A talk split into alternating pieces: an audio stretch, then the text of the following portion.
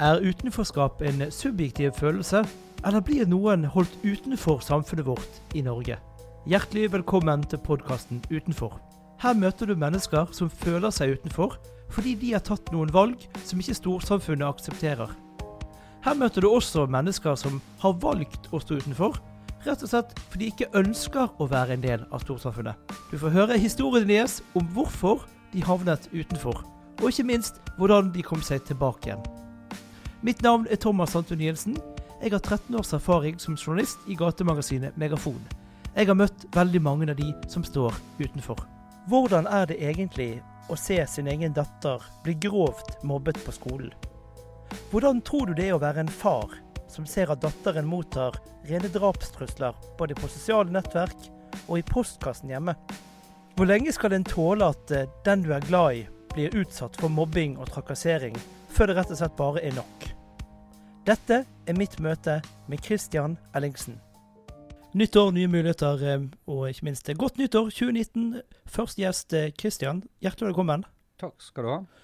Kan kanskje fortelle litt eh, hvem du er. Du har jo vært ganske allemannseie et par, par, uker nå, med historien din om din datter som ble sterkt mobbet etter hennes mor, altså der moren til datteren, gikk bort. Og du valgte jo til slutt å gå ut offentlig og, og prate om denne hetsen. Og Hvordan var det på en måte å ta steget ut i det offentlige rom og fortelle om, om denne, denne mobbeaffæren som din datter har vært utsatt for?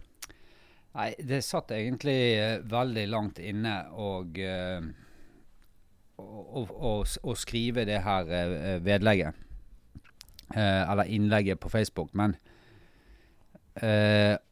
allerede i i tiende klasse, når det, når det sto på som verst på ungdomsskolen, så, så var jeg inne på tanken å ta det ut i media. Uh, min datter hadde lyst til å ta det ut i media, uh, men jeg valgte å si nei og sette foten ned, for jeg, følte, jeg var redd for at uh, trykket skulle bli for intenst. Og så har de jo som sagt i innlegget og, og i andre steder at det ble stille. Uh, det var sommerferie, hun begynte på videregående. Vi var egentlig helt sikre på at dette var et tilbakelagt stadie. Um, men så fikk vi da det her brevet i, i postkassen hjemme. Uh, og Ja, det, det gikk en faen i meg, om jeg kan si det, uh, når jeg fikk det brevet og tenkte at helsike, her, her, er det på'n igjen. Og denne gangen var det også hjem privat. Det var ikke Det var ikke på skole lenger. Um, dro jo til politiet. Uh, ble møtt med litt sånn passe interesse.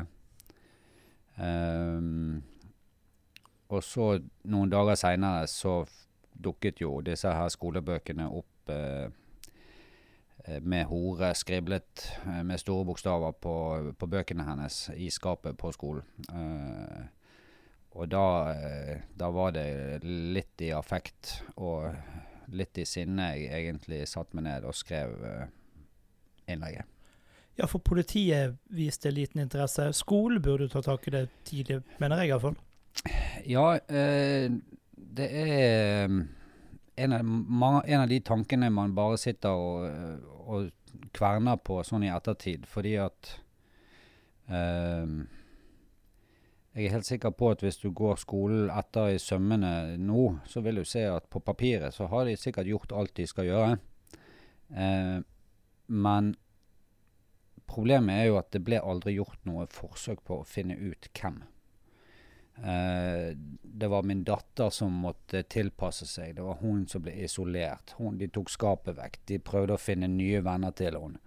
Uh, mens mobberne på en måte bare sitter der og kan fortsette i, i sin vante tralte og gjøre akkurat sånn som de har pleid å gjøre. Uh, men på slutten av tiende, når vi på en måte vi hadde dette møtet med, med, noen jenter og noen foreldre uh, hvor uh, vi snakket egentlig om mobbing og hetsing generelt sett, uten å prøve å verken legge skyld på noen eller noe som helst, men vi ville bare ha en slutt på dette her, slik at uh, hun kunne gjøre ferdig eksamensperioden, få vitnemålet sitt.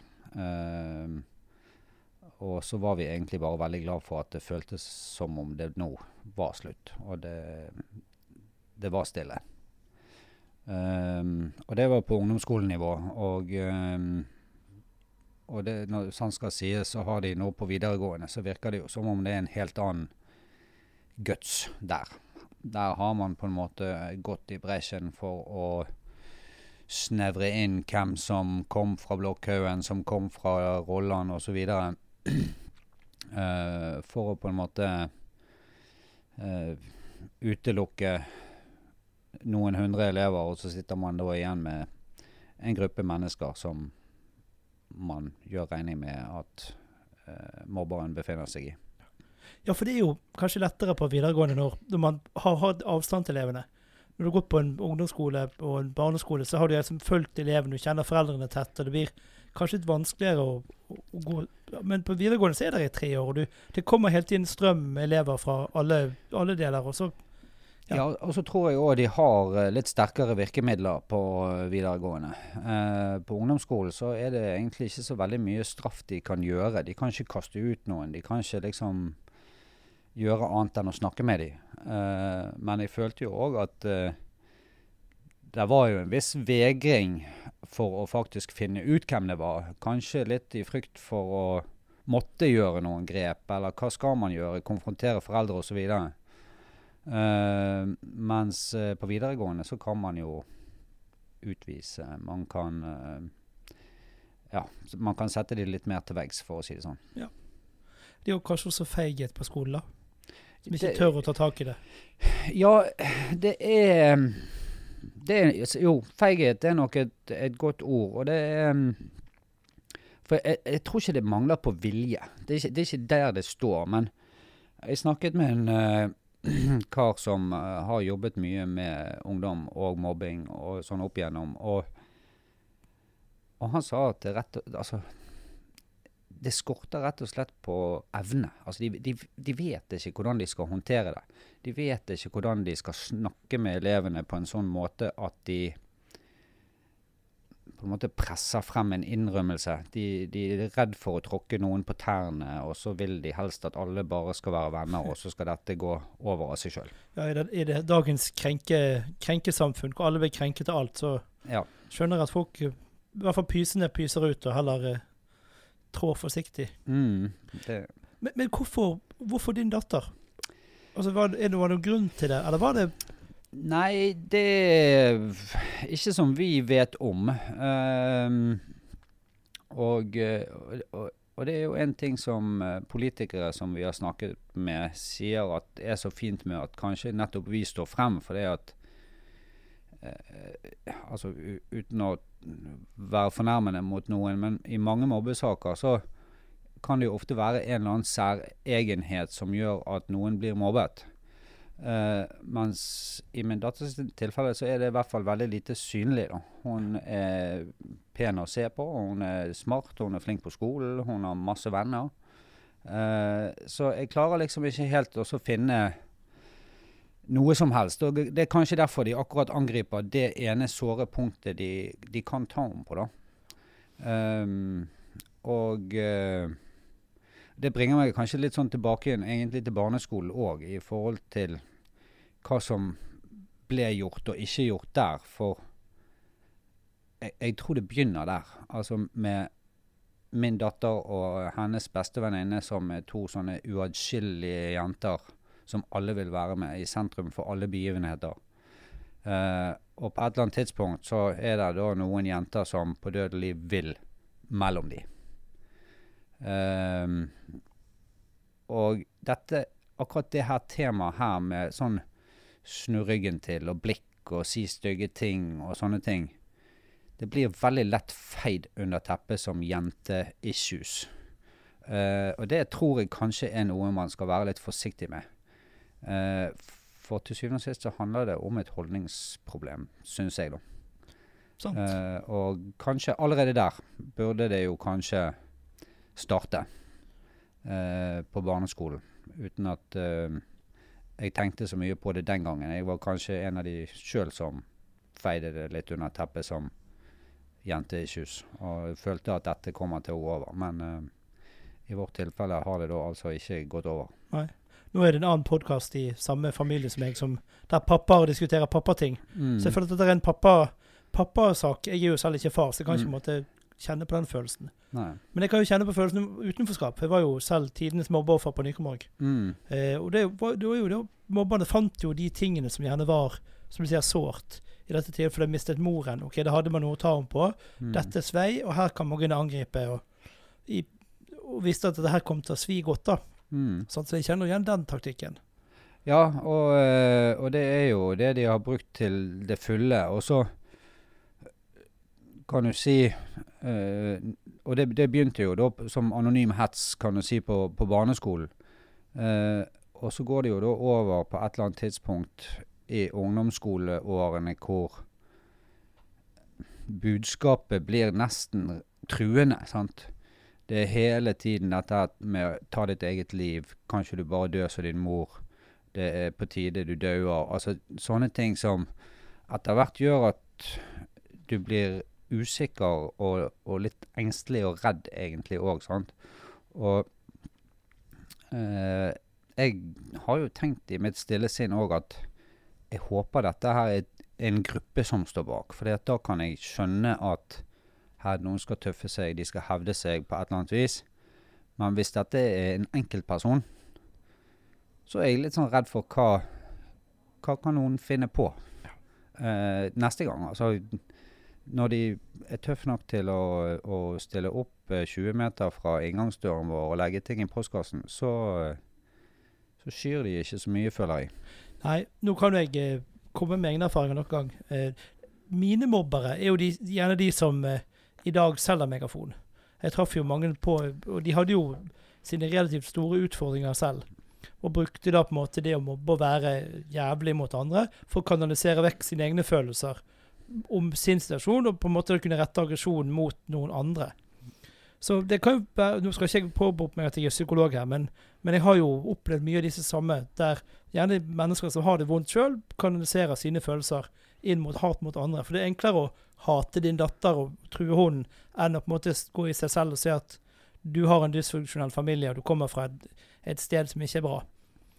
Ja, i aller høyeste grad. Og eh, jeg, jeg, jeg tenker jo òg at eh, de som står bak dette her, har det jo ikke bra med seg sjøl. Nei, det er jo Eh, altså det, det er ikke sikkert de kommer fra noen dårlige familier eller noe sånn i den grad, men det må jo være et eller annet i, de, i seg sjøl de er veldig misfornøyd med, som gjør at de er nødt for å ta det utover noen andre. Ja. Uh, og, um, og det er jo derfor jeg òg har sagt at uh, jeg håper de finner ut av hvem det er mest egentlig fordi at de skal få hjelp. Ja. Eh, ikke fordi at jeg skal sitte og si 'yes, hva sa jeg', det endelig fant vi hvem som gjorde det, eller på noen som helst måte. Men mest for at de skal få den hjelpen de trenger, uh, og at kanskje foreldrene ser dem på en annen måte.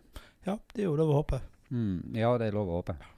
Men hvordan, altså, hvordan opplevde din datter dette her? Altså Fra å være populær, fra å være som du sier, med denne uatskillelige venninnen.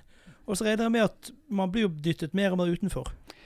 Ja, altså det som uh, Oppi det hele så eh, På barneskolen så, så følte hun at det ble utrolig tomt og slitsomt mot slutten. Og, eh, og vi skulle jo på det tidspunktet flytte, sånn at hun skulle jo uansett bytte skole etter syvende klasse.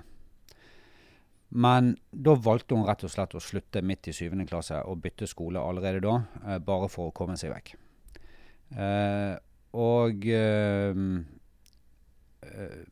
jeg gikk gjennom åttende klasse uten problemer. Men så ble ungdomstrinnet på den nye skolen det ble lagt ned, slik at hun da skulle bytte skole igjen. Ah. Eh, og allerede da så begynte jo denne her netthetsen på eh, anonyme sider å blomstre igjen. Og ikke mot hun, men rett og slett informasjon fra de gamle elevene om at nå kommer hun tilbake igjen. Sant? Ja. Eh, Var det Jodla-type sånn type ting? ja, eller ask.fm ask- var det vel eh, som ble brukt i dette tilfellet. Ja. Uh, og så um, Så kom hun tilbake igjen til niende, og da ble hun jo uh, gjenforent med de her to bestevenninnene sine fra barneskoletiden, uh, som gledet hun. Og så hadde hun i tillegg fire-fem veldig gode venninner som var ett år eldre. Som også gikk på denne skolen. Sånn at da hadde hun på en måte et sterkt, nettverk rundt seg. eh, og eh, følte egentlig at niende klasse var uproblematisk. Men eh, etter niende så sluttet da begge disse to bestevenninnene på skolen. De valgte å bytte skole. Og alle disse her venninnene som var ett år eldre, gikk jo videre til videregående. Og plutselig så sto hun der litt aleine. Og da var det de hugget til for alvor.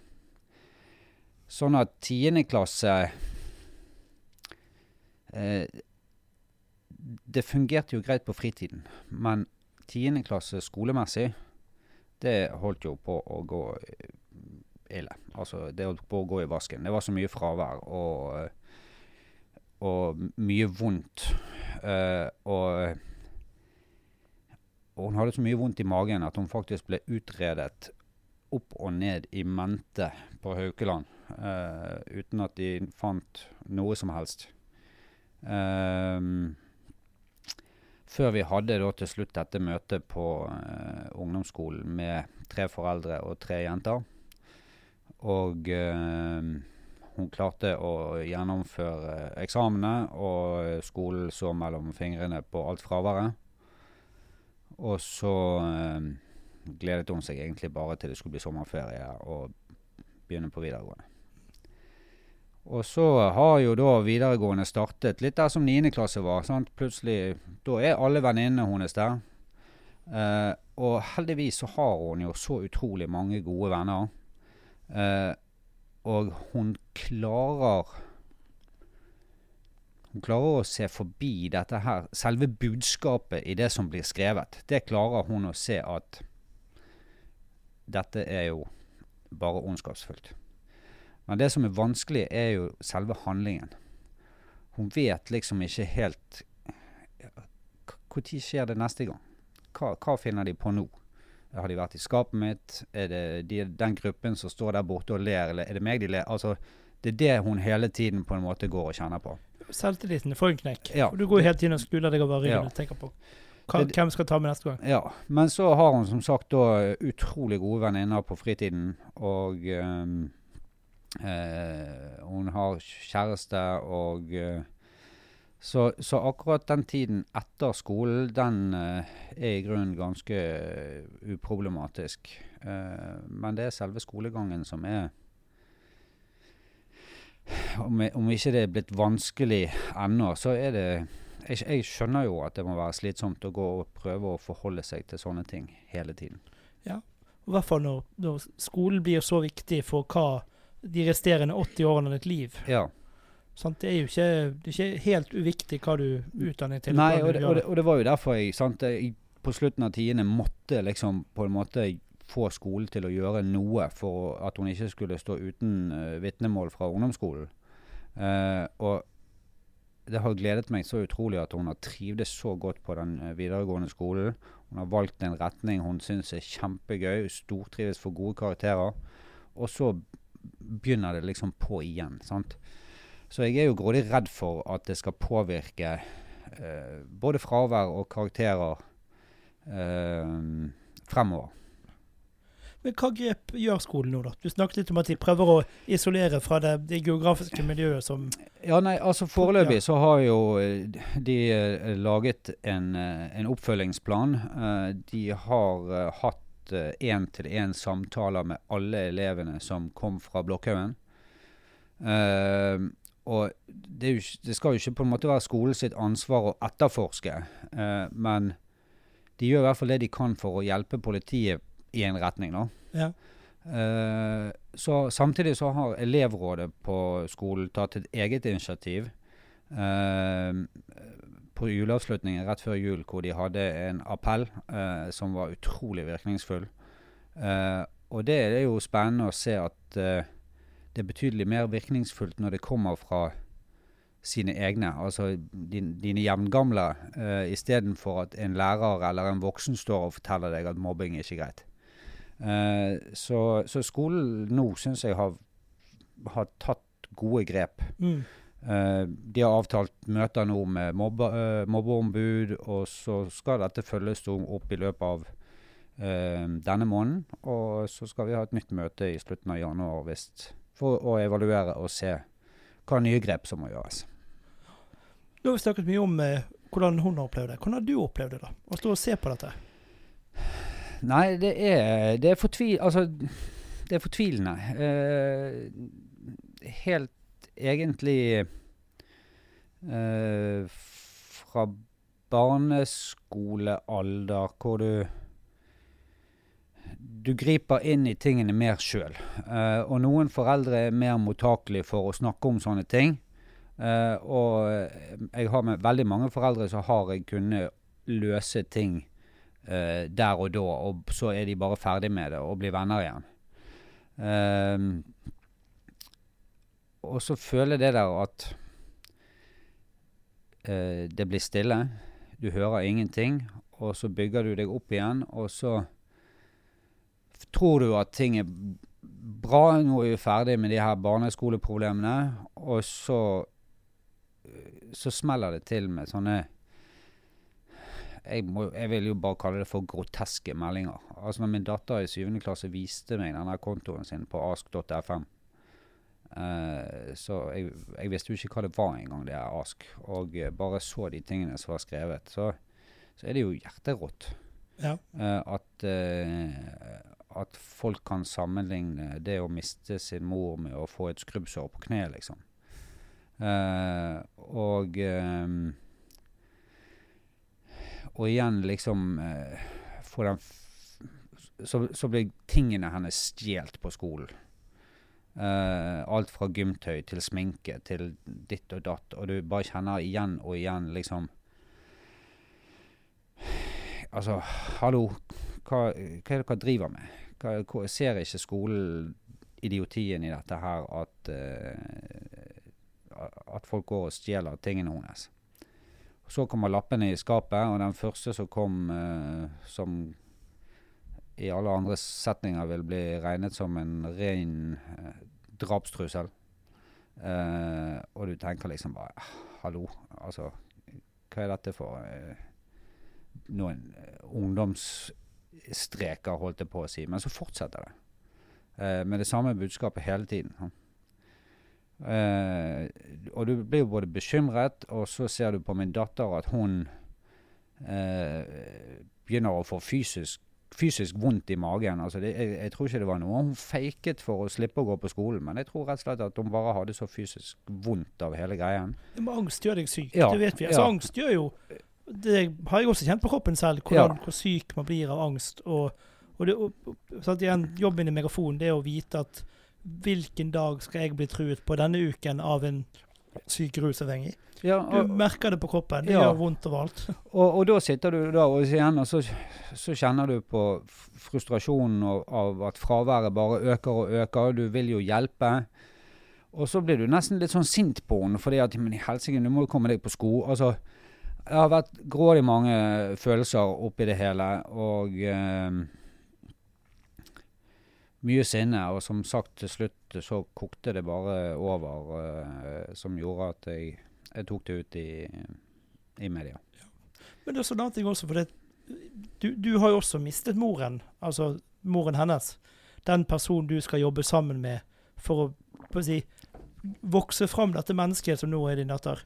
Så du også, på en måte, står jo der alene og skal på en måte fylle morsrolle og en farsrolle og alt mulig roller. sant? Det er jo ja, i hverdagen så skal du jo det. Og øh, holdt på å si øh, Heldigvis så har jeg øh, vokst opp i et yrke der man kanskje får litt sånn feminine sider. Sant? Med å jobbe i motebransjen, så, så lærer man seg jo litt om, om såkalte feminine verdier. Men, men, du står selvfølgelig midt oppi det hele og skal Være både mor og far.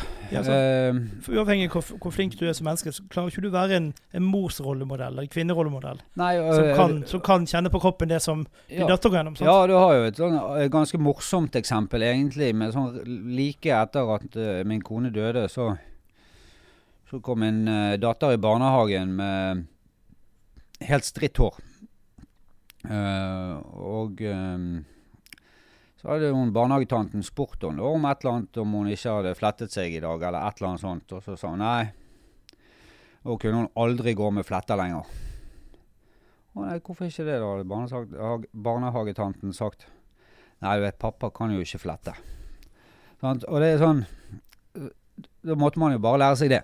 Ja, ja. Um, og så, så står man jo Du står veldig alene til tider, og, og kanskje spesielt når det, du havner i sånne situasjoner der det er mobbing, eller du må på en måte ta en avgjørelse. Hva skal du gjøre? Sant? Så har du ingen å diskutere det helt med. Um, og, og jeg må si, jeg, jeg har vært heldig oppi det hele, for jeg har uh, hatt venner jeg kan diskutere det med. Jeg har hatt uh, eh, masse gode jentevenner som har kunnet bistå. Uh, jeg har hatt uh, en bror som jeg har kunnet diskutere alt med, og ikke minst en mor som har vært en støttespiller som uh, helt, helt uvurderlig.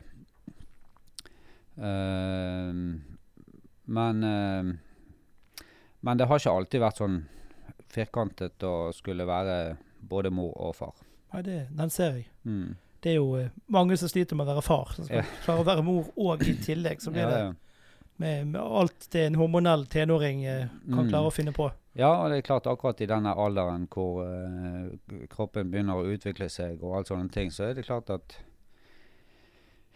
jeg var veldig glad for at uh, min datter eh, på eget initiativ begynte å spørre moren til venninner og sånne ting, eh, som, eh, som garantert hadde mye bedre svar enn eh, jeg kunne ha gitt henne.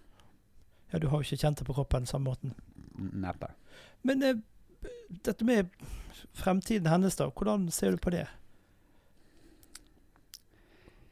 Nei, I utgangspunktet så syns jeg eh, hun er så utrolig sterk og målrettet at eh, jeg tror eh, det kommer til å gå hun vel. Og, eh, og jeg tror kanskje til og med at disse her tingene preger hun rent sånn i forhold til eh, hvordan hun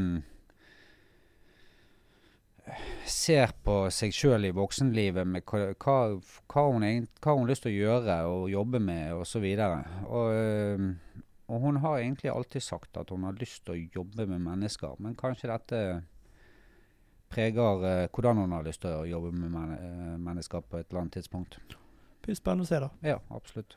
Men jeg sitter her og raser sjøl inni meg. altså. Jeg hadde jo saksøkt skolen herfra til eh, Helleveien og tilbake igjen. og For rett og ikke fornøyd med å være slem, men og bare si at vet du hva, nå dere har et ansvar, og dere må ta ansvar. og Slutt å være så og så et banneord feig. Ja, men det, det har ikke jeg lagt vekk heller. Det Nei. kan godt være at jeg gjør. Ja. Eh, og eh, nå skal jeg jo jeg som sagt i et møte med mobbeombudet mye for å egentlig kartlegge hva rettigheter man egentlig har. Mm. Eh, for det er klart at her eh, Når jeg ser på det i ettertid, så har det jo man, man har jo på en måte krav og rett til en trygg skolehverdag. Og det har jo ikke Ida Marie hatt verken på barneskolen eller ungdomsskolen. Ja, du har jo alt fra FNs barnekonvensjon og til norske lover som Mm. sier en del ting om dette. Ja. Eh, og dette er også med å Ikke nødvendigvis få, din egen del fra hevnperspektivet, men, men det å faktisk Nå har dere prøvd den hyggelige veien. Det kommer andre gutter og jenter på samme skole fremover. Hvis da Mm. fortsatt skolevesenet er så, så feige som vi har vært Mm. Altså Nå uttaler jeg litt etter å ha bare hørt en side av saken, selvfølgelig, men, men eh, man er såpass feig og, og tar ikke tak i det. Så kan jo andre bli skadelidende, som kanskje ikke har like ressurssterke foreldre som du har. Eller du er. Nei, og, og det, det, det er jo nettopp det man, som må være bakteppet for å, skal man gå til et søksmål. Det handler jo ikke om at jeg skal ha noe kompensasjon på noen som helst måte, men det handler jo igjen om å sette søkelys på et virkelig, virkelig stort problem. Og, men når, når det er sagt, så må jeg òg si at jeg hadde jo en utrolig interessant samtale med, med han Valhammer, skolebyråden. Ja. uh, I forhold til det nye høringsforslaget som han har laget.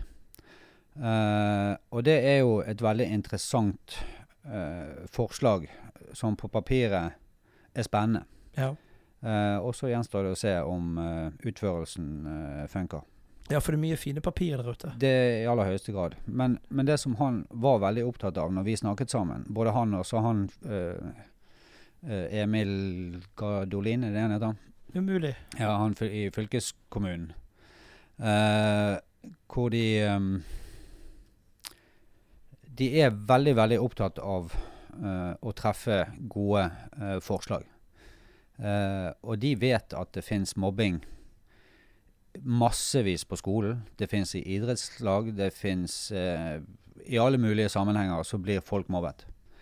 Eh, og det vet de veldig, veldig godt. Men det er utrolig sjelden de får høre om sakene. Derfor så ble de veldig glad for at vi løftet dette opp.